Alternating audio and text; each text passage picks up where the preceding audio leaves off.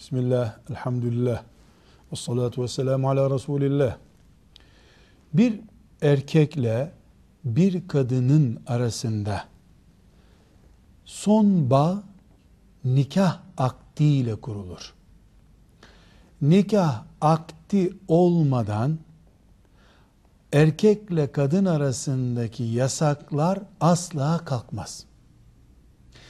Dokunma, öpme, bir arada bulunma, avrete muttali olma gibi haramlığı yani kadının erkeğe, erkeğin kadına haram olmasına ait kural nikahtan önce hiçbir şeyle kalkmaz. Bu nikah nişan değildir. Dolayısıyla nişanın mücerret görüşmenin dışında hiçbir şeyi mubahlaştırmadığını bilmemiz lazım.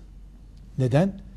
Çünkü nişan herhangi bir mahkemeye kayda kuyuda müracaat etmeden işi bitirmeye müsait bir ek anlaşmadır ya da ön anlaşmadır. Onun için nikah gibi algılanmış bir nişan yanlıştır.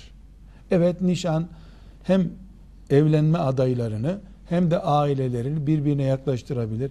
Evlenme teminatına benzer bir teminat e, verebilir ama asla Allah'ın haramlarını mubahlaştırmaz. Nişanlılar görüşebilirler. Bu görüşme ileri noktalara varıp e, sulanmaya gidecek görüşme olmamalı. E, üçüncü kişilerin bulunduğu bir zeminde görüşme yapılmalı. Yani nişanlı olan hanımla nişanlı olan erkek onların ikisi içinde mübah olacak. Üçüncü bir şahıs bu çocuk da olabilir. Üçüncü bir şahısın bulunduğu yerde görüşmelidirler veya telefonla da görüşebilirler. Telefon benzeri cihazlarla da görüşebilirler.